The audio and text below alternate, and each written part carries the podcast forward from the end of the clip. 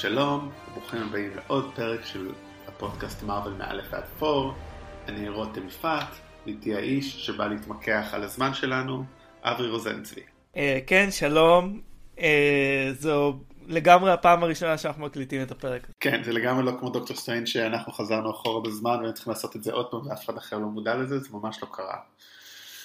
אז היום אנחנו בסרט ה-14 שלנו כבר, אה, אנחנו עם דוקטור Strange, דוקטור סטיבן סטריינג', אה, שזה לא שם מומצא, זה שם אמיתי שלו, והאמת שבדומה לאנטמן, גם פה אין הרבה קשר ליקום הקולנועי, בדקות האחרונות יש אזכור של אבנים קסומות, בפוסט קרדיט יש בכלל חיבור, כן יש אזכור של קיומם של הנוקמים בעולם, אבל בסופו של דבר זה סרט תלוש לחלוטין. כן, זה לגמרי סרט שאפשר לבוא לראות אותו אה, בלי שראית אף אחד מהסרטים האחרים, מה שאי אפשר להגיד על רוב הסרטים אחרי, אה, אחרי Phase 1. אז, אה, וקצת בדומה באמת לסרטים הראשונים, מאותו Phase 1, אה, גם עד שהגיעו לעשות את הסרט על הדמות הזאת, זה 30 שנה בערך היסטוריות בהוליווד, כבר ב-86, סטן לי, אה, רצה לעשות גרסה, שדרך אגב, עכשיו שאני, אחרי שעשינו את כל הפרקים, אני שם לב שבעצם כמעט כל סרט, מתישהו סטן לי רצה, שזה הגיוני.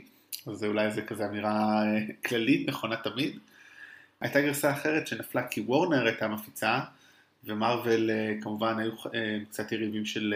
זאת אומרת, וורנר עושים סרטים של DC, מרוויל והם... צ'ילבוט. צ'ילבוט. צ'ילבוט, כן. וגם היה איזה ויכוח על מרצ'נדייז. מה שכן מעניין אולי שווסט קרייבן ודייוויד אס גויר, כל אחד היה מעורב בשלב כזה או אחר. לפחות ווסט קרייבן, אני הייתי שמח לראות, כי הבמאי שעשה את אה, מוזיקה בלב, בטוח יכול לעשות מזה אחלה סרט. כן, הבמאי שידוע בלנגן מהלב, לא? לנגן מהלב, נכון. לנגן מהלב עוד כמה... ועוד כמה סרטי אימה. אבל דיוויד S. גויר ממש אה, we dodged the bullet מה שנקרא. אה, כן לגמרי, אה, קיבלנו סרט בסך הכל טוב מאוד, שבסופו של דבר מה שקרה גם פרמונט קנו את הזכויות, שהופק כדי Marvel, אבל גם זה לקח עשור עד שנכנס ליקום ופרמונט כבר לא היו בסביבה. אז כאמור, ווס קרייבן כבר מת אני חושב כשהגיעו לזה, דיוויד S. גויר, אני לא יודע מה קרה איתו, עדיף לא לדעת באמת. ובעצם היו כמה מועמדים, ביניהם מרק אנדרוס שהגיע מפיקסאר, שזה יכול להיות משהו מאוד מעניין, אה, מישהו בוגר פיקסאר עושה סרט ל Marvel. למרות שבוגר פיקסאר האחר, אה, אנדרו סטנטון, שהלך לביים סרטי live action, לא עשה חייל עם אה, ג'ון קרטר, אז אולי עדיף שיישארו באנימציה. גם ברד בירד. גם ברד בירד. לא עשה חייל. ב live action, כן. וגם לפחות אני, אני כבר ראיתי את Incredibles, אני חושב שגם כשהוא חזר לאנימציה זה לא עבד משהו. טוב, Incredibles דרך אגב כן מאוד מעניין בהקשר לעולם יקום הקולנועי של Marvel, כי הרי הראשון נעשה הרבה לפני, לא, והשני נעשה כשכבר זה מפלצת, וזה משפיע אני חושב. אבל זה נדבר אולי בהזדמנות אחרת. אה, אז בסוף נפתחו בעצם בסקוט דריקסון, לא במאי מוכר מדי, אבל גם הוא, בדומה לווס קרייבן במאי סרטי אימה, אה, מוכר בעיקר בגירוש השדים של אמילי רוז, שאני זוכר שראיתי ודי, או שאולי ראיתי את הגרסה הגרמנית, יש מצב שזה גרסה גרמנית, וזה מה שראיתי, שמעתם את זה פה, הגרסה אה, הגרמנית הייתה טובה יותר. ובעצם אה, דריקסון עובד עכשיו על פיילוט לסדרת טלוויזיה שמבססת על סרט רכבת הקרח, אה, שקשורה ליקום הקולנועי של מארוול, כי בסרט כיכב קריס אבנס, הקפטן בשביל כולנו. זה מעניין שכל כך הרבה במאים של אימה רצו את התפקיד הזה, כלומר... דוקטור Strange זה לא אה, זה לא קומיקס אה, אה, של אימה זה, זה קומיקס מיסטי עם, עם קסמים כשפים וכאלה אבל זה מעניין שדווקא במאי אימה רצו לביים את זה. באמת מוזר כאילו אבל וגם זה גם לא נכנס לתוך זאת אומרת זה לא שאתה יודע אני לא מכיר את הקומיקסים אז אני יכול להגיד זה אבל זה לא שיש בסרט אלמנטים של אימה כלשהם אז זה באמת מעניין מאיפה מה מוביל את זה. אה, טוב, אני חצי צדקתי, הסרט הוא סרט אמריקאי, אה, גירוש השדים של אמילי רוז, מבוסס על מקרה גרמני. אוקיי, לא אהבתי את הסרט יותר מדי. אבל אה, הוא מאוד רצה את התפקיד הזה, דריקסון. הוא הכין איורים מאוד מושקעים של קונספט ארט, וממש נעזר כאילו שילם לאנשים, לאמנים מקצועיים כדי להכין לו את זה. ובכלל, אפרופו מה שאמרת במאימה, אז באמת, זה, מרוויל טוענים שזה הסרט שהכי הרבה אנשים רצו לביים. אני חושב שזה יש לזה סיבה הגיונית אולי, כי אם חושבים על timeline של הכנת סרטים, כשהתחילו לעבוד על זה, אנחנו של אנטמן התחילו לעבוד הרבה לפני, זה אחד הסרטים הראשונים שנעשו בעצם בודדים אחרי phase 2. אז הגיוני, ש... אה, אחרי phase 1, אז הגיוני מישהו רוצה, רצו להיכנס לתוך זה, וגם אני חושב שזה קצת מה שדריקסון עשה פה, זה קצת דומה למה שאתה אמרת של אחים רוסו, שהם היו צריכים לפגש הרבה פעמים עם מארוול כדי להציג את הרעיון לחייל החורף ולמלחמת האזרחים, אז גם הוא היה צריך לפגש איתם שמונה פעמים לפני שסגרו. אני לא כזה סגור איך זה עובד בהוליווד, אבל זה נשמע לי די חריג. כן, זה חריג, אבל אני חושב שזה בגלל שבאמת מארוול לוקחים ה, לוקחים את הסיכון עם במאים צעירים שלא עשו סרטים בסדר גודל זה, אז uh, הם רוצים שהם יציגו להם באמת מאלף ועד תף את החזון שלהם ואיך הם מתכוונים uh, לממש את זה כדי לדעת שהם, שהם מסוגלים לעשות את זה. כלומר, הם לוקחים במאים שבאמת לא עשו סרטים בהיקף הזה בסדר גודל. טוב, לא הרבה עשו, כי הם רק מצטמצמים לאלה, אז הם מקבלים את רונלד אמריך ומייקל ביי, כאילו, מביים את כל היקום הקולני של מארוול. וזה היה נגמר די מהר. מבחינת שחקנים, אז באמת, מי שבעצם משחק גילם פה את השחקן הראשי זה בנדיקט קמברבץ', הבריטי. שהוא היה מועמד המוביל מהרגע הראשון, אבל היו בעיות לוז והם קצת חיפשו אחרים, ואני רגע אקריא את הרשימה, היא קצת ארוכה, אז בין המועמדים, תום הרדי, ג'רד לטו, יוכין פיניקס, איתן הוק, אוסקר אייזיק, יואן מקגרגור, מתיו מקונוהיי, ג'ייק ג'ילנהול, קולין פארל, קיאנו ריבס וריין גוסלינג. אני חושב שבערך כל שחקן הוליווד לבן בין גיל 35 ל-45, כשקמברבץ' הוא בערך באמצע שם מבחינת הגילאים, כשהוק הוא כבר אחרי החמישים, וגם קונוי שם בסביבה, ומצד שני ג'ילינול לקראת סוף השלושים שלו, אם אני לא טועה. אבל אני חושב שיש לך פה, יש לך פה כמה אנשים ש... שנמצאים ביקום הקולנועי המשותף שלך עם רוברט דאוני ג'וניור, שלא נראים כמו הגיל שלהם. איתן הוק הוא לא לא, אבל קיאנו ריבס? קיאנו ריבס אני חושב שהוא המלך, אני די בטוח כאילו. הוא המנצח הגדול של היקום הזה. אתה, איתן הוק הוא ההפוך. הוא הפוך, אני זוכר כאילו שהיה את שבעת המופלאים, וכאילו ראו בפוסטר יש אותו ואת דנזל וושינגטון, ודנזל וושינגטון מבוגר ממנו באיזה חמש, עשר שנים. הוא נראה הרבה יותר צעיר ממנו. זה ממש היה מפחיד. העלית לעמוד שלנו פוסט מאוד מצחיק על שמישהו יצר איך רוברט דני ג'וניור היה צריך להיראות היום. כן. עושה אותו מבוגר יותר ממה שהוא נראה באמת. אני מתי שהם לו קפיצה פשוט כזה. פשוט יום אחד הוא ראה זקן. אז טוב, בואו ניכנס ישר לסרט. הפתיח קצת שונה הפעם, זה אנימציה, ארוך יותר, כבר הם מרגישים בטוחים בעצמם, אז יאללה, מתפתח. ומה שיותר מעניין הוא שאחרי זה, שהסרט ישר נפתח לתוך האקשן, ונפתח עם הנבל, קאסיליוס, שזה מאדס מיקלסן, כי בכל זאת חייבים שהנבל יהיה זר. שהתפקיד הכי מוכר שלו זה כנבל אחר, חניבל לקטר, שבכלל חושב שזאת הייתה שנת השיא שלו, כי גם הופיע במלחמת הכוכבים רוג אחת בתור האבא של הגיבורה, והסרט נפתח איתו בעצם, שהוא מגיע לאיזה מקום די קדוש, וגונב דפים מספר, ועל הדרך עורף את הראש של ספרן, יש לו נראה לי כנראה איזה אנטי לספרנים. כן, זה כאילו קצת קיצוני, אתה מוצא ספרן ועורף לו את הראש, אבל בסדר. כן, כנראה זה לוקח כמה הוא רע. ואז מתפתח קרב, הדברים לא, זה לא עובר בשקט, ומגיעה העתיקה, שאנחנו לא רואים את פרצוף שלה, ואנחנו יודעים שזה טילדה סווינטון, שתכף נגיד כמה דברים על הליהוק הזה בהמשך, כי הוא מאוד שערורייתי, קצת, ויש קרב ביניהם, ואין הרבה דיבורים, זה נפתח די בשקט, ורק מילה אחת שהוא צועק לצבועה, שזה בעצם ה... הוא כבר בהתחלה צועק את המניע שלו. היא צבועה, ולכן הוא רוצה לעשות רע. נדבר על זה בסוף כמה קצת הוא רע לא כזה מדהים, אבל הציל אותו הרע הגדול יותר. בשלב הזה אנחנו מקבלים הצצה ראשונה לוויזואליה של הסרט, יש לנו פה פורטלים, עולמות שמתהפכים ומתחברים ונשברים. שמחברים בין העולם הרגיל הזה לעולם הקוסמי המיסטי וזה, וזה אולי נותן לנו איזשהו רמז ללמה כל כך הרבה במאים רצו לביים את הסרט הזה, כי באמת דוקטור סטרנג' זה קומיקס שאני לא קורא באופן קבוע, אני מתנצל לחובבי דוקטור סטרנג', אבל יש לו באמת עולם ויזואלי מאוד מאוד עשיר, זה קומיקס שתואר כפסיכדלי, אנחנו נראה את זה קצת בהמשך. ו... והוא מאוד מעניין מבחינה ויזואלית, ואת זה הם מצליחים יפה מאוד להעביר למסך. באמת המראה הזה, הזה ייחודי, ופייגי אמר שהוא רצה שזה, זה בעצם אמר שזה מושפע מאוד מהמטריקס, סרטים של סטנלי קיובריק, מיאזקי וסטיב דיטקו, שהוא גם באמת האמן שיצר חלק שיצר את ספיידרמן, נכון? כן, סטיב דיטקו, אה, שמוכר אה, הכי מזה שהוא יצר את, אה, את ספיידרמן, הוא גם היוצר של אה, דוקטור סטרנג', והוא איש מאוד מעניין, כבר, אה, הוא עדיין חי, אבל כבר הרבה שנים הוא ככה בנפרד מעולם הקומיק, הוא לא, הוא לא בא לכנסים, הוא לא מתראיין, שום דבר. הוא מאמין גדול בפילוסופיה של איין ראנד, אבל uh, בתור uh, צייר קומיקס uh, uh, ויוצר הוא סופר סופר מוכשר ונתן לנו כמה מהדמויות הכי איקוניות. הפילוסופיה של איין ראנד, למי שלא יודע, זה אתם עניים כי אתם לא מתאמצים מספיק. נכון? נראה לי סיכמתי את זה?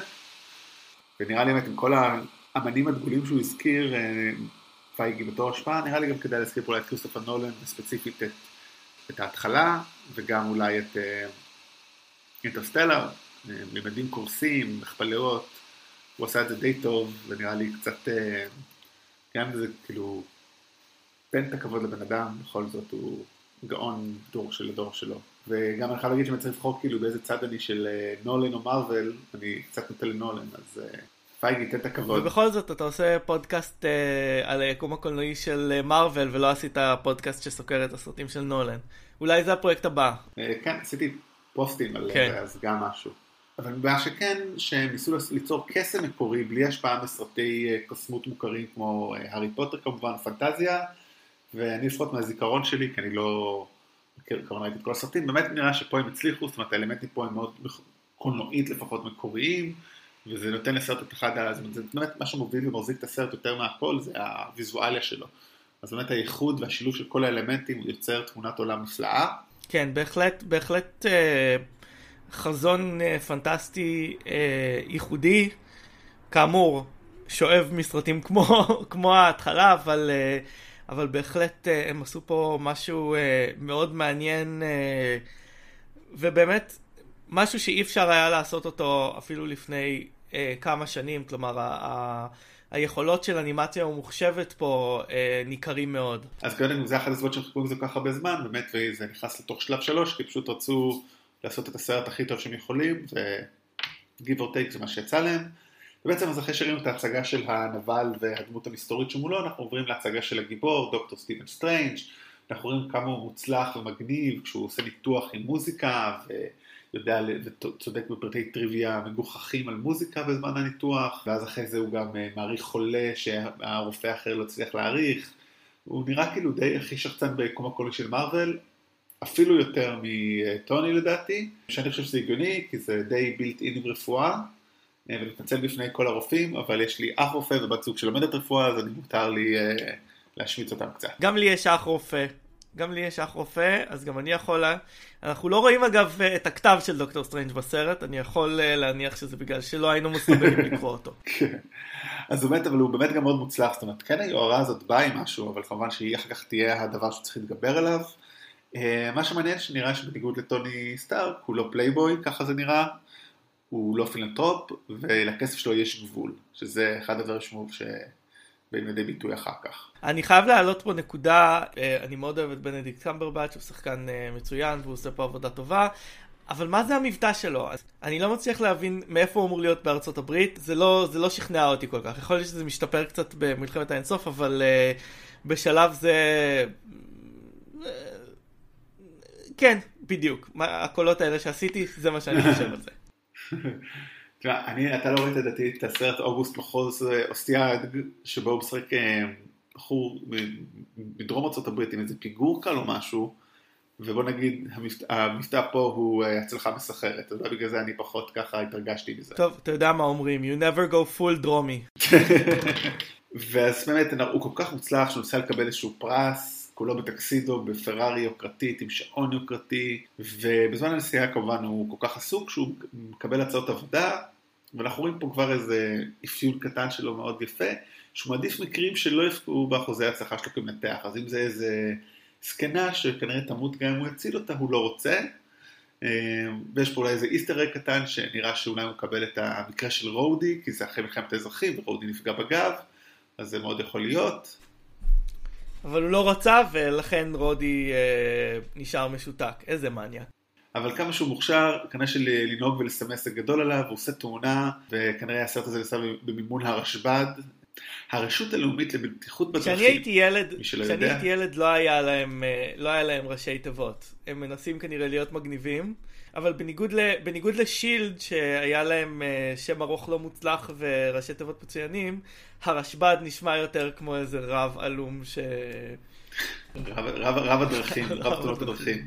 תאונה מטורפת, אה, וכאילו עובר איזה עשרות גלגולים, ובסוף הוא בסך הכל רק נפגע בידיים. קצת תאונה, זה קצת תאונה. אה, קצת תאונה אה, מגוחכת, לא? קצת כאילו היא יצאה מלוני טונז, הוא נופל על הכביש, מהכביש הוא נופל על, על העץ, הוא נופל, כאילו, היה יכול להיות תאונה יותר פשוטה, לא? היא יצאה כאילו מהסרט, כי זה כזה overkill של כאילו כמו כל הוויזואלי שאנחנו רואים בהמשך הסרט, אבל זה לא מתאים לפה. אני באמת לא מבין כאילו מה הם חשבו פה. זה ממש לא מתחבר, כי זה באמת לא הגיוני, כמו שאתה אומר לוניטונס, כאילו, ובסוף כל מה שהוא יוצא זה אם זה רק פגיעה בעמוד שדרה, אבל בידיים, לא בעמוד שדרה. אה, אני לא בטוח, אני לא זוכר, כאילו, אני חושב שזה ממש לא, בחוליות כאילו? משהו בעצבים. בחוליות שמשפיע, כן, כאילו, אבל כן, אבל זה לא משנה, זאת אומרת, גם זה או גם זה, זה מינורי לעומת ה...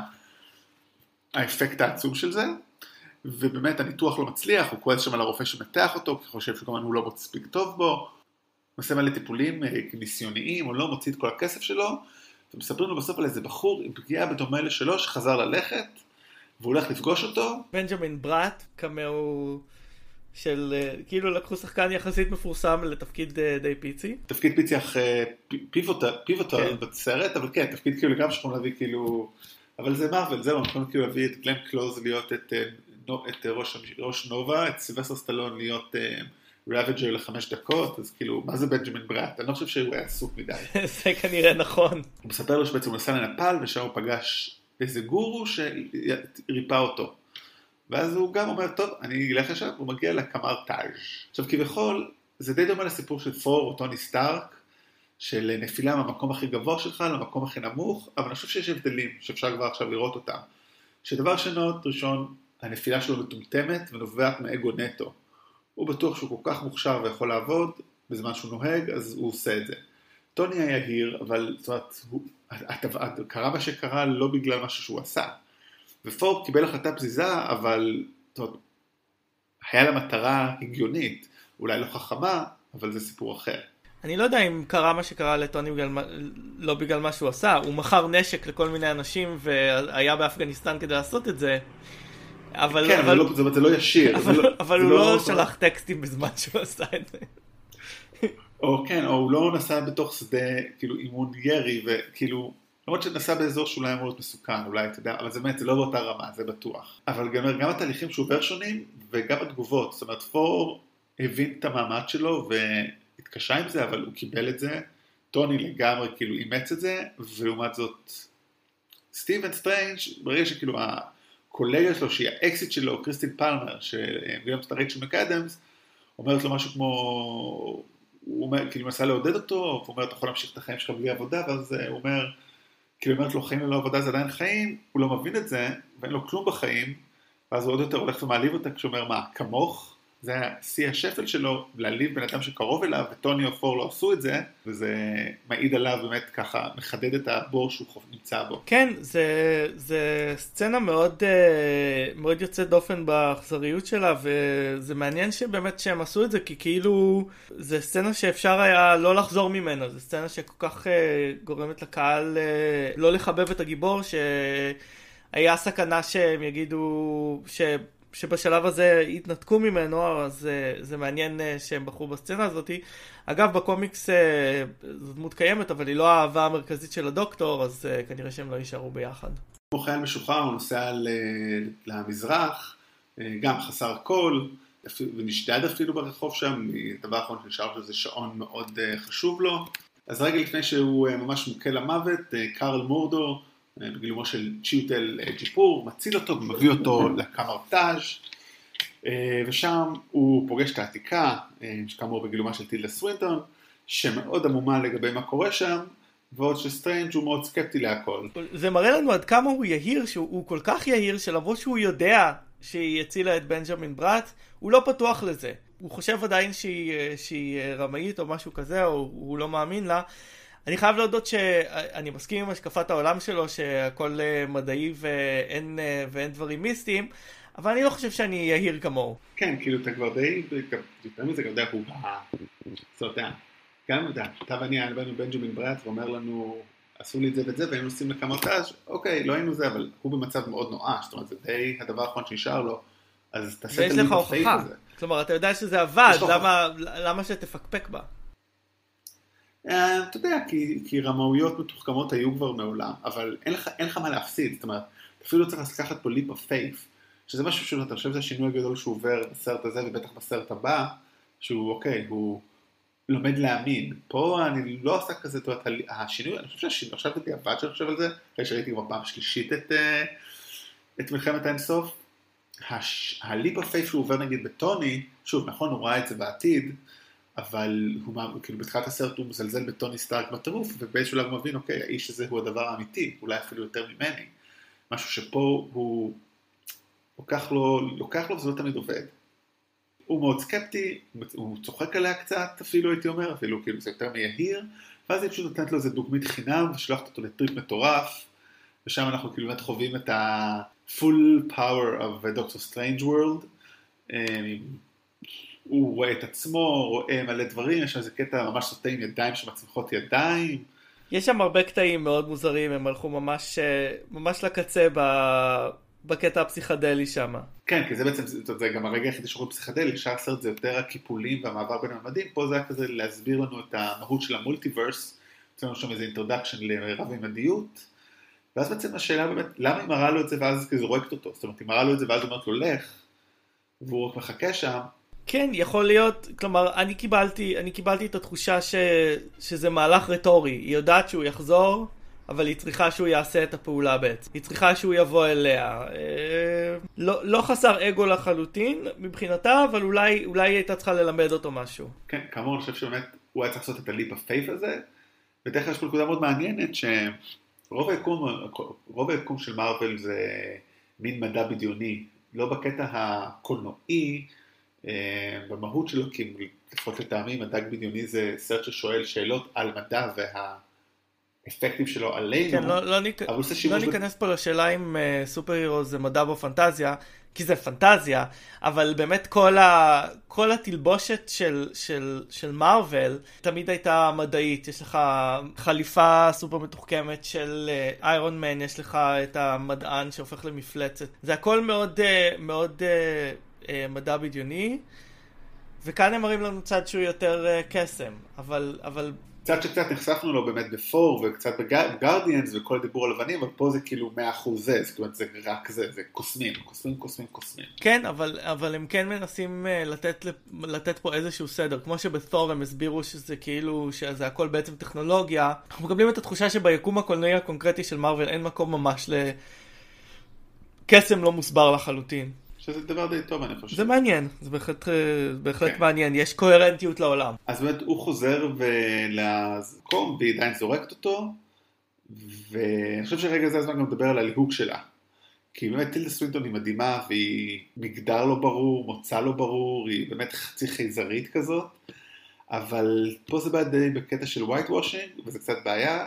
אה, white washing, למי שלא יודע, זה בעצם אה, לקחת משהו ממוצאה לא לבן ולהציג אותו כלבן, אז במקרה הזה דמות שקוראים לה העתיקה, שהיא במקור ממוצא אסיאתי, ופה לקחו שחקנית ממוצא אה, לבן, אפילו עשו איזה בדיחה בסרט, שכאילו כשהוא מכניס אותו למקדש פעם ראשונה, והוא הוא, הוא, הוא, הוא מציג לו, הנה ה-agent one, שבאנגלית זה עובד יותר טוב כמובן, אה, ואז הוא פונה לאיזה זקן כזה שנראה כמו הסטריאוטיפ שלנו. אני חייב להגיד שמבחינת white washing הם היו פה במקום מורכב. הם היו קצת במלכוד, כי, כי ה-Ancient One בקומיקס הוא, הוא קצת סטריאוטיפ גזעי אה, של אה, זקן סיני חכם.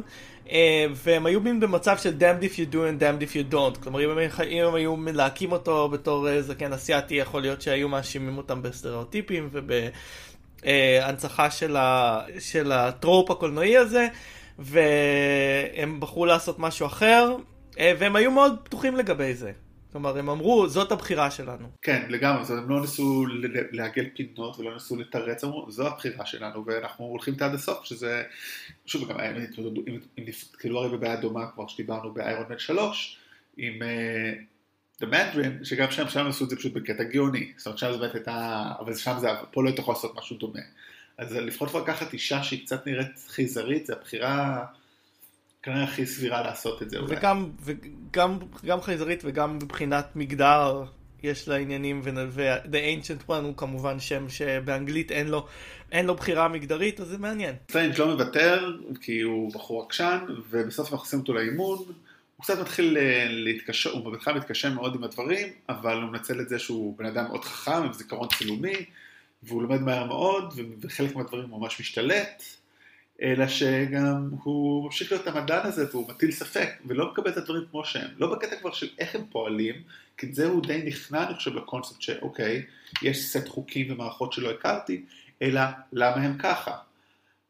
וזה אני חושב מעיד הרבה על האופי שלו ועל הנחישות שלו, בנייה טובה לקרקטר, וגם אני חושב שזה נקודת המפנה באמת המרכזית בסרט, זאת אומרת ברגע שהוא גם משתלט על זה וגם שואל שאלות, זה אומר, אוקיי, יש פה כיוון לדמות הזאת. חלק מהאימונים העצמאיים שלו הוא נחשף לעין של אגומוטו, שזה מסתבר כלי לשלוט בזמן, בהמשך אנחנו לומדים בעצם שזה אבן הזמן, אחת מבני אין סוף, אבל זה כאילו כזה דבר יקר שהם צריכים, אה, שמטרה שלו בהמשך היא רק להגן עליו, והם הקוסמים מגנים עליו, אז למה זה פשוט היה מונח שם? כי בתור מה שאמור להיות ממש מוגן, זה פשוט היה שם בשבילו לקחת. ואם זה ככה, למה קייסילוס לא לקח את זה? הוא לא ידע על זה? זה ממש חור מאוד מוזר. כן, אני חושב שאולי הם לא ידעו את ה... אני חושב שאולי הם לא ידעו עד כמה הדבר הזה חזק ומשמעותי, אה, כן, אבל אה, זה סתם לנסות להצדיק את זה, זה בהחלט אה, חור בעייתי. לא, יודע מה, אני מבין כאילו למה קייסילוס לא יודע מה זה, זה אני מקבל, אבל זה שכאילו זה יושב שם סתם ככה, נדגיש לסטריינג', זה קצת מוזר לי. אבל טוב, אף אחד לא מושלם אף פעם. כאן uh, קייסיליוס uh, תוקף את המקדש uh, בלונדון, וסטריינג' ככה מעיפים אותו לניו יורק והם נלחמים שם, ויש לנו באמת סצנת אקשן מאוד מיוחדת, ראינו דברים דומים בהתחלה, אבל באמת, אני לא אחזור על זה כל פעם, אבל האקשן בסרט הזה מצוין. אני חושב שהוא יותר מצוין, הוא משתמש בעולם כדי ליצור אקשן ייחודי, זאת אומרת זה היופי ש... ייחודי סלאש גנב מהיוקרה, מההתחלה, אבל, אבל לא באמת, כאילו, זאת אומרת, הוא בקרב בסצנה הזאת, הכל פה זה אלמנטים של הקסם. אז זה באמת עשוי טוב וחכם, זה היופי פה. כן, אני, אני uh, כבר אמרתי את זה לדעתי uh, פעמים אחרות, אבל באמת אין לנו היום הרבה סרטי אקשן סתם בקולנוע. Uh, סרטי מרוויל הם, הם סמן האיכות של uh, uh, אקשן uh, בימינו. ויש פה דיאלוג שאתה אוהב במיוחד, לא? כן, שבעצם קסידוס שואל אותו, אתה חדש פה? מיסטר? אז אמר לו, דוקטור. That's strange. כן, זה עובד יותר טוב כשרואים את זה. אבל תראו את זה, אני מניח שראיתם את זה. כן, אז עדיין מצחיק באמת דיאלוג, כאילו, כי השם הזה כל כך שם מוזר, אבל הבדיחה שאחר כך עושים, אה, אה, שפיטר פארקר עושה בבדיחה לא בכוונה, במלחמת האינסוף, גם השם הזה, זה שם ממש מוזר. טוב, זה לא עובד מה שאני בעצם מתכוון אה, no pun intended. כן, אבל uh, אתה יודע, זה דברים שנוצרו בשנות ה-60, הם לא חשבו שיהיה יקום קולנועי ריאליסטי uh, שהם יצטרכו להיכנס אליו, אז uh, זה היה נשמע להם לגמרי, לגמרי סבבה. אתה יודע, גם לא צריך ללכת עד לקומיקסים, מספיק ללכת ל-77 והאן סולו, שמסתבר שהוא סולו כי הוא, הוא בא לבד. וואו, אז כן, בוא לא נדבר על זה. יש יותר גרוע. לא, אנחנו לא נדבר על זה. אוקיי, ואז באמת קורה שם עוד קטע חשוב לסרט ולדמות, הגלימה שלו מצטר... אה, מוצאת אותו, זה קצת מצחיק כאילו שהיא חיכתה שהספורית תישבר כדי לבחור, לבחור בו, אבל אני חושב שהיא כן בחרה זאת אומרת ברגע טוב, כי ברגע שהוא איתה הוא פתאום מצליח להפעיל את השוט החזק, זאת אומרת זה ככה החלק המשמעותי בסרט, ואני תוהה האם זה קרה, האם הגלימה החליטה לבוא אליו עכשיו בגלל שהוא החליט להקריב את עצמו למען המקדש. קצת בדומה לפור והפטיש בזמנו, אבל זה סתם, זו סתם שאלה. ואז יש פה בעצם את הקטע הקלאסי שבו הם מדברים, והרע קיסיליוס מסביר את המניעים שלו, שהוא מתחיל ומסביר איזה משהו שהמטרה שלו זה להביא לאנושות חיי נצח מעבר לזמן, הוא אומר את המשפט שהזמן הוא עלבון, מוות הוא עלבון, עלבון הוא עלבון, אבל כאילו למען העלבון הזה הוא מוכן להקריב אנשים אחרים, תודה רבה לך. ולפחות את טענתו, הוא לא רוצה לשלוט בעולם, אלא להציל אותו. כן, הוא, הוא, הוא מאוד רוצה לה, להציל אנשים, אבל לא אכפת לו להרוג אנשים. הם לא מעניינים אותו, לא הייתי אומר שיש לו פה תפיסת עולם אה, סדורה במיוחד. לא, לפחות כאילו ת'אנוס יש איזושהי תיאוריה מוצקת מאחוריו, גרועה אבל מוצקת. אה, וסטריינג' מבין, אני כאילו חושב שסטריינג' בשלב מבין שם שאו שהוא משקר, או שהוא לא מודע למה שהוא אומר, זאת אומרת שהוא לא מבין כאילו את ההשלכות של מה שהוא רוצה, זאת אומרת שהוא כל כך מונע מכעס וזעם, שהוא לא מודע לתוצאות של באמת הדבר הזה. וזה קצת גם כשהוא מסתכל על העיניים שלהם, שהכל שם כזה נהיה אכול לאט לאט סביב העיניים, ובאמת, אני תוהה האם קייסילוס עושה את מה שהוא עושה כי מכעס שנאה לעתיקה שהסתיר אותו, הוא פשוט מאמין בזה, או גם וגם, בחוק הזה קצת פחות משכנע כל העסק הזה. אני אומר, בגדול אני חושב שהוא אחד הנבלים הגרועים של מארוול, בטופ שלוש, כי הסיבה שלו שהיא הבטיחה לו משהו והיא לא קיימה את זה, או שהיא גם אה, שואבת כוחות מהצד האפל. זה קצת מזכיר לי? שדארף ויידר היה אמור לצאת נגד הקיסר בערך מיד אחרי הסרט השלישי, כי הוא הבטיח לו להציל, להציל את פדמה ובעצם היא מתה, אז כאילו אתה עברת לצד האפל כדי להציל אותה וכלום לא קרה, חיכית 20 שנה כדי לנקום בו, אז קצת אותו מקרה, פה זה קצת הפוך, כאילו אוקיי, אז היא אמרה לך... אבל ש... הקיסר היה פוליטיקאי, אז מה אתה מצפה ממנו? אני, אני ממנו לא מצפה מכלום, אני מצפה מדארף ויידר. ואני חושב שדארף ויידר הוא נבל די מאפן, אולי אנחנו בפודקאסט הבא שלנו, אנחנו, אני אגיד את זה, יהיה עם הדיון מעניין. אבל זה חבל עוד יותר, כי לטעון שהאחת, אחד, the ancient one, היא רעה, זו טענה מאוד מעניינת ולא מפותחת, זאת אומרת, השאלה מה זה רע, האם להשתמש בכוחות של הרוע, האם להשתמש בכוחות האפלים, האם זה השימוש בהם, או איך אתה משתמש בהם, זאת אומרת, לאיזה מטרה. והדבר היחידי שמציל את הסרט הזה מבחינת נבלים זה הנבל הגדול, פה זה לא בובה, פה זה לא מאסטר בובה, הדורמאמו. בלי ספק הברקה של הסרט. במהלך uh, הקרב הזה, סטרנג' uh, נפצע, uh, הוא מפנה את עצמו דרך uh, מין חור תולעת קוסמי לבית חולים. Uh, כריסטין פלמר בדיוק במשמרת uh, באותו זמן, uh, הוא, הוא יוצא מהגוף שלו בקטע מאוד מאוד מגניב uh, ומנחה אותה מה לעשות, כי... Uh, כמו שאנחנו יודעים, אם אתה צריך לבחור בין דוקטור אישה לבין הרוח של עצמך, אה, אתה בוחר ברוח של עצמך, רוח של גבר.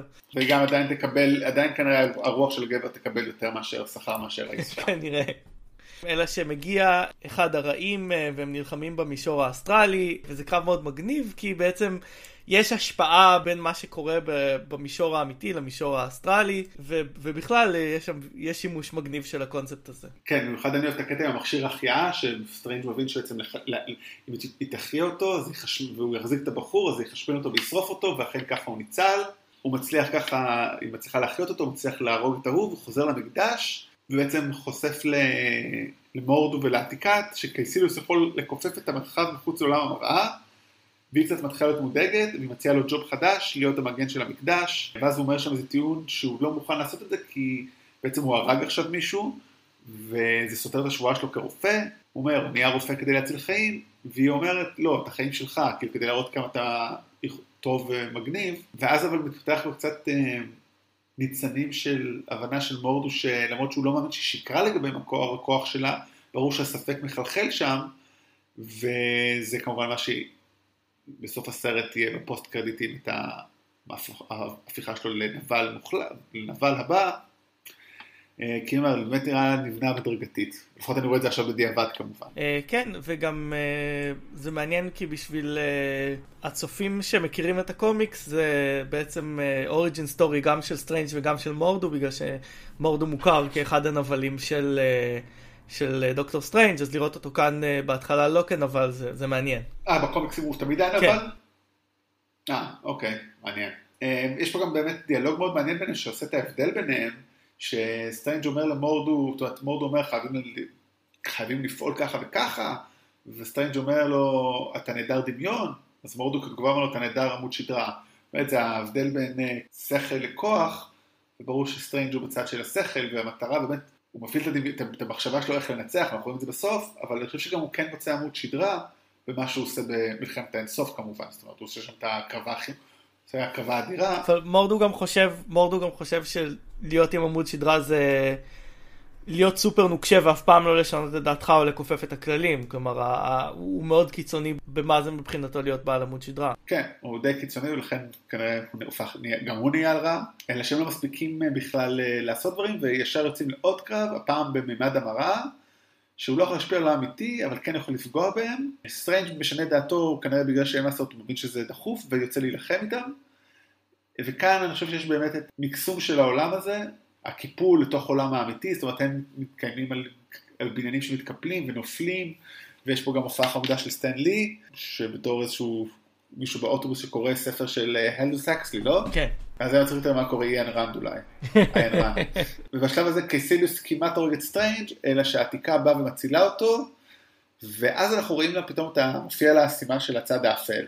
וכאילו אני לא צריך להבין למה זה קורה עכשיו, זה כי כבר חשף אותה, אז די, אין לה מה להסתיר, או כי היא שואבת הרבה כוח, כי היא יודעת שהיא הולכת למות אז צריכה להגן על עצמה, אתה הצלחת להבין למה דווקא פה? אני, אני חשבתי שזה בגלל שהיא שאבה המון כוח, כלומר היא שאבה יותר כוח מהרגיל על מנת לנצח אותם, וזה גרם ל... your evil is showing. אז uh, באמת השימוש הזה, השאיבה הזאת של הכוחות מקרב אותה למוות, וסטריינג' יוצא בעקבות ה projection האסטרלי שלה. כן, אין שום דרך להגיד את זה בצורה אין, טובה. אין שום, אנחנו מתנצלים בפני האקדמיה. ההקרנה זה נשמע משהו מסרטן. אני כן. זה מה שאני כתבתי בתקצירים שלנו, כן, זה לא נשמע יותר טוב. כנראה, ש... כנראה שכשההיפים אה, בשנות ה-60 חשבו על כל הדברים האלה, הם לא ממש uh, התחשבו בעברית. אז uh, כן, היא יודעת שזה המוות שלה, כי היא ראתה את העתיד, והיא אף פעם לא ראתה מעבר לנקודה הזאתי. יוצרת ככה, היא מאיטה מאוד את הזמן, ויש פה יופי של uh, המחשה עם, ה, עם הברק, שרואים אותו ממש ככה פורח. נוצר באוויר. בביתיות, כן, זה מאוד יפה.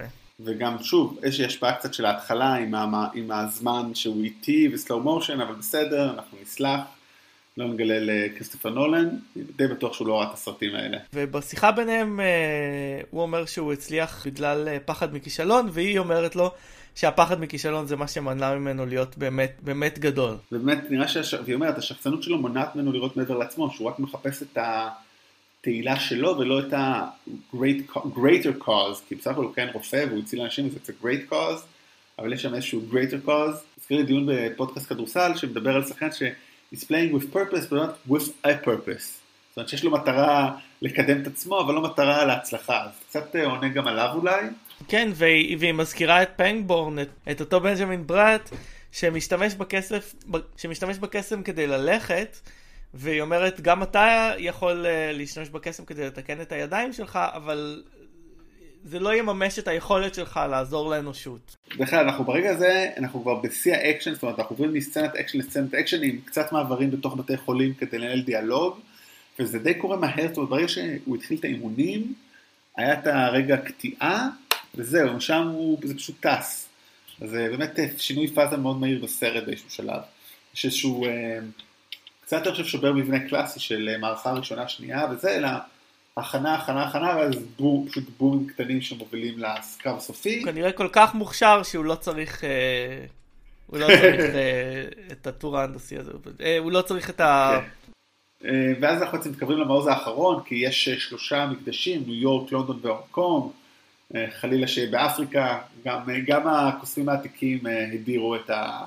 היי היי, לאפריקה יש את וואקנדה פוראבר, שלא יתלוננו. זה נכון. אה, ואז אנחנו בעצם בהונג קונג, וונג, הספרן המחליף החדש, בעצם מגיע לשם להוביל את ההגנה בקייסיליוס, אנחנו רואים אותו, מגיע, ואז אנחנו עוברים למורדו, שממש לא מאוכזב מהעתיקה, אבל סטרנג' כן מצליח לשכנע אותו להמשיך במאבק. ומגיעים להונג קונג ואנחנו רואים את התוצאה של הקרב. אני מאוד אהבתי את זה, זאת אומרת שראינו את וונג מתכונן לקרב, קאט, משהו אחר, בום, חוזרים לקרב. ואז אנחנו, כי פה מה שהם עשו פה באמת זה אחד השימושים המבריקים בזמן, סטרנג' משתמש ב... עין אגמוטו.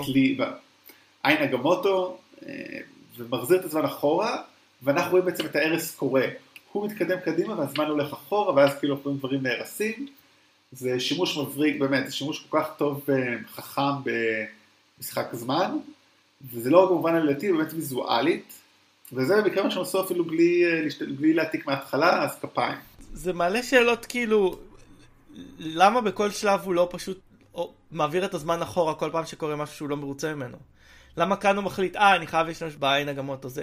זה בעיה תמיד עם דברים של מסע בזמן. כלומר, ברגע שיש לך את היכולת להחזיר אחורה בזמן, אתה שואל את עצמך, היי, למה אתה לא פשוט עושה את זה בשביל... uh, לתקן כל דבר uh, שלא מצא חן בעיניך שקרה. לפעמים בסרטים הם מנסים לתת לזה כל מיני uh, חוקים uh, כדי להסביר את זה, בסרט הזה הם לא מסבירים את זה, הוא פשוט מחליט uh, עכשיו הזמן להשתמש בזה. אני חושב שאיך שזה עובד זה ש...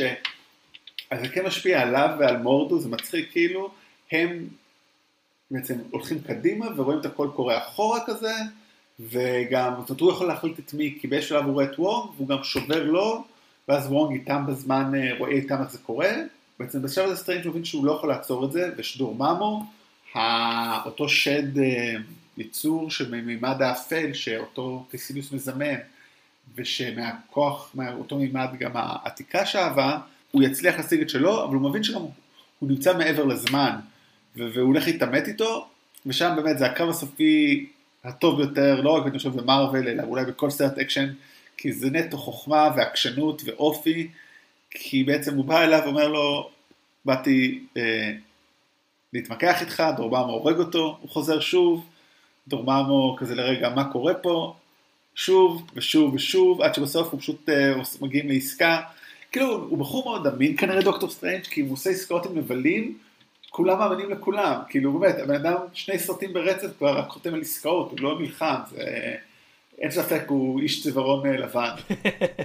לא, לא ברור כמה זמן אה, דוקטור סטרנג' היה אה, בלולאה הזאת, זה היה יכול להיות שנים מבחינתו, מנסים להראות שזה הרבה מאוד פעמים. מה שלא היה לגמרי ברור לי זה שאם דורממו מעבר לזמן, איך סטרנג' יכול לקלוט אותו בלולאת זמן. אולי בגלל שהוא כולא את עצמו בלולאת זמן, ואז דורממו כלוא איתו בגלל שסטרנג' כלוא בלולאת זמן. אני חושב שמה שקורה שכל האנושות כלואה בלולאת זמן.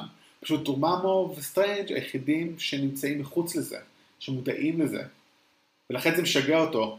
כאילו, והאמת, חבל שהוא דוקטור סטרנג' לא אמר שם באיזשהו שלב, I can keep doing this all, all time, כאילו, כזה מחווה לקפטן אמריקה. באמת, כי באיזשהו שלב, כאילו, הוא אומר שם, גיהנום זה לחזור לאותו רגע שוב ושוב מסתבר, אה, ובאמת סטרנג' מקריב פה באמת, זאת אומרת, הוא מוכן לחוות את הגיהנום הזה, אם זה למנוע מדורממו להגיע, וזה כנראה ההבנה שלו בתור גיבור, והיא שונה קצת מטוני, שזה לא שהוא הזיק לעולם, אלא הוא מבין ש... הוא באמת מבין את מה שהיא אמרה לו, העתיקה, שהטוב שלו היה בעיקר בשביל האגו שלו, והוא יכול עכשיו לוותר על האגו ברמה כזאת או אחרת, ולעזור, ולעזור עוד יותר. אה, זו נקודה מעניינת זה שקמברבאץ' הציע לבמאי סקוט דריקסון שהוא יגלם את דורממו ב motion capture, ככה זה יהיה מין אה, תמונת מראה של סטרנג' אה, דורממו. אה, אבל הכל זה שילוב שלו ושל שחקן בריטי נוסף. כמה מאץ' טוען שזה ייתן יותר נופח לדמות, אני חושב שהוא סתם ייתן במושן קפצ'ר אחרי שהוא עשה בהוביט אה, דרקון. מה שיפה גם, אני חושב שבסוף הרע קיבל את מה שהוא רצה. הוא קיבל כאילו את חלק מחיי הנצח של דורממו. זאת אומרת, גם בדומה לפאנוס, יש לך מטרה, המטרה שלך הייתה להיות חלק מחיי הנצח של דורממו, למה רצית לקחת את כולם איתך? הנה, קיבלת את זה. כן, ויש פה, יש פה גם את אחת ה... אחת, אחת הבדיחות שהכי הצחיקו אותי, הוא אומר לקייסיליוס, היית צריך לקחת את כל הדפים כי האזהרות מגיעות אחרי הקסמים. כי זה מה שאנחנו, כי זו בדיחה שכאילו בהתחלת הסרט עם וונג, שהוא אומר לו, חבל שהאזהרות לא כתובות לפני הקסמים. כן. שזה הגיוני, by the way, אכן, כן. disclaimer, כאילו. מילה על וונג, כי לא אמרנו את זה. אה... מנסים, מנסים לתת לו קצת אה, יותר נופח ב, בסרט הזה כלוחם, כי בקומיקס הוא די המשרת הסיני של סטריינג, שזה לא מאוד uh, uh, PC, אז uh, נותנים לו, הופכים אותו ל badass, אין לו הרבה זמן מסך, אבל הוא בהחלט מצחיק. כן, עם בדיחות, עם הבדיחה על ביונסה, ושהוא שומע ביונסה זה תמיד מצחיק. וזהו, בעצם הכל שם על כנו, אבל מורדו קצת כועס, כמו שאמרת, הוא לא גמיש, אז הוא כועס שהם הרסו את החוקים. שאותי זה קצת מעצבן שהוא כאילו בסדר עם זה שהם הרגו, צריכים להרוג אנשים, מה שמפריע לסטריינג' אבל לא עם שבירת חוקים, כאילו הוא לא היה מסתדר טוב עם בטמן כנראה, וזהו, ואז הוא נהיה רע כי לא משכנע כאילו, אם ניסו לעשות פה באמת כמו שאמרת, שני origins במחיר אחד זה לא עובד, זאת אומרת, הוא לא רע משכנע, בעיקר כי הרע פה לא משכנע, בגלל שזה גם סרט גם ככה כבר עמוס, או מה זאת אומרת עמוס, זה סרט של דוקטור סטריינג', אז פתאום להפוך פה את ה backstory שלו, פחות התחבר לי. post credit בעצם יש לנו אחד שאנחנו רואים את אה, מיודענו מורדו בעל בדמות של בנג'מין בראט ולוקחת את הכוחות שלו כי הוא אומר לו אתה לא משתמש בזה לקסם ולכן לא מגיע לך את זה כדי להראות לנו שהוא הפך לסך לרע. אה, לא כזה משכנע. לא, הוא אומר שהוא לא רוצה, הוא רוצה לחסל את הקסם בעולם, או את הקוסמים. אני לא, כמו שאמרתי, קנית. לא, פחות לא קונה אותו. וההכנה השנייה זה בעצם הכנה לפור רגנרוק, בעצם קטע ממש מהסרט, אה, שבו תור נפגש עם אימא דוקטור סטריינג' ומדברים על אה, שהוא צריך את עזרתו. ויש שם איזה קטע קצת מוזר, שתור אומר, אז עכשיו יש לכדור הארץ קוסמים, אנחנו יודעים מהסרט הזה שיש קוסמים כבר כמה מאות שנים, אז או שמושג הזמן עכשיו אצל תור הוא מאוד אה, יחסי, כי הוא בין 1500, או שלא חשבו על זה יותר מדי כשעשו את זה. או שיש, זה הכוונה אצל תור, אצל תור רק לגברים לבנים, ועד עכשיו זה היה אישה, סינים ושחור, אז uh, עכשיו יש להם את הגיבור סוף. הלבן. סוף סוף גברים, גברים לבנים מקבלים אה, אה, זכויות בעולם הזה. זכויות קוסמים גם לגברים לבנים. אם פה דיברנו בעבר, הרבה זרים הם בריטים, אז פה רוב הק... אם בעבר כבר דיברנו שהרבה מה... הרבה זרים הם בריטים, זו טענת היגיון למה? מעניינת. למה? הרבה בריטים הם. זרים. לא, למה? הרבה, הרבה, למה? הרבה זרים בסרטים הם בריטים. אוקיי, טוב. תחזור למה שרצית כן, להגיד. כן, כן. אה, טוב, עוד נקודה מעניינת לגבי הסרט, בעבר דיברנו על זה שהרבה מהרעים הם זרים, אז פה לא רק שזה נכון שמאדס מיקלסן הוא דני, אה, רוב ה cast הוא בריטי, כולל וונג שהוא בריטי, אה, רייצ'ל מקאדמס היא לא בריטית, אבל היא גם לא אמריקאית, היא קנדית, ובערך השני האמריקאים היחידים שהצלחתי ככה לזהות זה בנג'מין בראט ומייקל שטולברג, אה, שחקן נפלא שמשחק את הרופא ה... המתחרה. שסטריינג' המתחרה, שחקן נפלא, בתפקיד קטן, אני חושב שזה עוד לפני, כאילו, הוא שחקן קטן וכזה לא... אין תפקידים קטנים, לא יש פורץ. רק יהודים נמוכים. דרך אגב, וגם עוד דבר מעניין, שלמרות שהסרט מאוד מיסטי וקוסמי, הם כן הביאו אסטרופיזיקאי כדי להבין איך אנשים חווים את אה, החלל והזמן, אולי באמת כדי להציל את כל הטריפים האלה. ויש לי שאלה שאולי תהיה לך תשובה אליה, אני לא בטוח שאנחנו יודעים עליה. אני לא הבנתי, האם היכולת לראות את העתיד היא מהאבן או כוחות? כשה-ancient one ראתה את העתיד זה בגלל האבן, או פשוט יש לה את זה, מה- ממה שהיא שואבת, וכאילו, כי היא לא רואה מעבר לסוף של עצמה, ולפעמים שראינו בהמשך, סטריינג' כן, זאת אומרת, יש שם איזשהו משהו לא ברור, אבל אולי זה הסבר, מה אתה חושב? אני חושב שאצלה זה מגיע מהכוחות שלה, ואצל רוב האנשים זה מהאבן. אני לא חושב שלסטרנג' יש יכולת מובנית לראות את העתיד, עדיין. עדיין. וגם פה דרך אגב יש פה המשך קצת של התמה של מלחמת האזרחים, על הוויכוח למי בעצם יש זכות לכוח ומי צריך לתת אחריות. אבל קצת בניגוד למלחמת האזרחים, זה משהו שלא תפסתי לפחות אני בצפייה ראשונה וגם לא שנייה. זאת אומרת, רק עכשיו, ככה כשהתכוננתי לפרק, עליתי על זה שיש פה עומק. אבל אם לוקח לך שלושה סרטים, שלוש, שלוש צפיות אה, להגיע אליו, זה לא סימן טוב. זאת אומרת, זה למה אומר שזה, למה זה מבחינתי לא סרט ענק, אלא פשוט סרט טוב. אני גם חשבתי בצפייה הראשונה שזה סרט יותר מינורי, אבל uh, בכל זאת אנחנו מדברים עליו די הרבה, ויש לנו די הרבה מה להגיד כן. עליו, אז uh, אין סרטים מינוריים במרוויל, יש רק יהודים נמוכים. כן. ועוד שאלה אחת שעלתה לי פה, שקצת גם, אם אני מזכיר לעצמכם את הכוכבים, ובכלל סרטים אומרים, למה לצד האפל יש יותר כוח? אני חושב שזה קצת דומה ל... לשמאלנים וימנים, אם, אה, אם, אם יורשה לי, כי כאילו יש את האמירה הקלישאתית הזאת על זה שאנשים, יש אה, בימין כאילו הרבה אנשים שמאוד בטוחים בעמדה שלהם ו... ו... ועושים הכל כדי לממש אותה, ובשמאל יש הרבה אנשים שלא בטוחים בעצמם ומסייגים וחושבים על כל דבר שלוש פעמים, אני חושב שזה אותו דבר בטוב וברע. אוקיי, מעניין, אני חושב שזה אולי שאלה שאנחנו נתעסק איתה הרבה בפודקאסט הבא שאנחנו מכינים לכם. אנחנו כבר נתחיל לזרוק טיזרים. אוקיי, ולשאלה הקבועה שלנו, איזה במאי אה, קולנוע קלאסי היית רוצה שיביים את הסרט הזה? אה, אז אני באמת חשבתי על זה, ואני חושב שהייתי שמח לראות עושים את זה, זה צמד במאים, זאת אומרת, הם עבדו ביחד, זה, הסרטים הידועים שלהם ביחד, זה מייקל פאו והנריך פסבורגר, אה, צמד במאים בריטים, אה, פסבורגר כמובן ממוצא גרמני, אם אני לא טועה, אה, פעלו בשנות ה-50, 60 באנגליה, הסרט אולי הכי ידוע שלהם זה נעליים אדומות, סרט על מחול, על בלט, אני בתור, פסבורגר סליחה הוא הונגרי, אני אתקן אותי את עצמי, סרט בעצם על שכולו חצי מופע מחול, חצי סרט, ואני בתור אה, רקדן לשעבר מאוד אהבתי אותו ומאוד אוהב את הפנטזיות שלהם, אז אני חושב שהם יכולים קצת לתת פה כיוון פנטסטי קצת אחר, אז אה, זה מה שהייתי שמח לראות. אה, אני ראיתי את הסרט שלהם Black Narcissus בקולנוע בבורדו שנמצא בכנסייה, אין יותר פלצני מזה. לימודי קולנוע הם הם. כן, לי יש תשובה אחרת לשאלה הזאתי, תשובה שלדעתי די מתבקשת. כריסטופר נולן, אם גנבו ממנו הכל, למה לא לתת לו לביים את זה, אה, אולי הוא עושה עבודה טובה. אתה יודע, זה הוא יכול לעשות את ההמשך, אה, סרט יותר אפל, יותר ריאליסטי ואפל, ריאליסטי ואפל עם- בלי רגשות. כן, ועם... ואני חייב לומר שעם כל זה שלא היה ברור לנו ה... איך ממד הזמן עובד בסרט הזה, עדיין יותר ברור מאשר בדנקירק, שלא ברור אה, באיזה מימד קורה כל אחד מהסיפורים של הסרט הזה. אני חושב שזה היופי בסרט הזה, שאתה לא צריך להבין את זה, אתה חווה את זה. Mm. אבל אה, טוב, זה גם, זה בכלל דיון אחר. אז זהו, עד לפעם הבאה, אני רותם יפעת, אני אברי רוזנצבי, אה, ואל, תחזור, ואל אה, תשכחו לס- לסיים את ההקלטות שלכם בזמן, כי אחרת תצטרכו לחזור אחורה בזמן ולהקליט מחדש. חשוב. להתראות. ביי.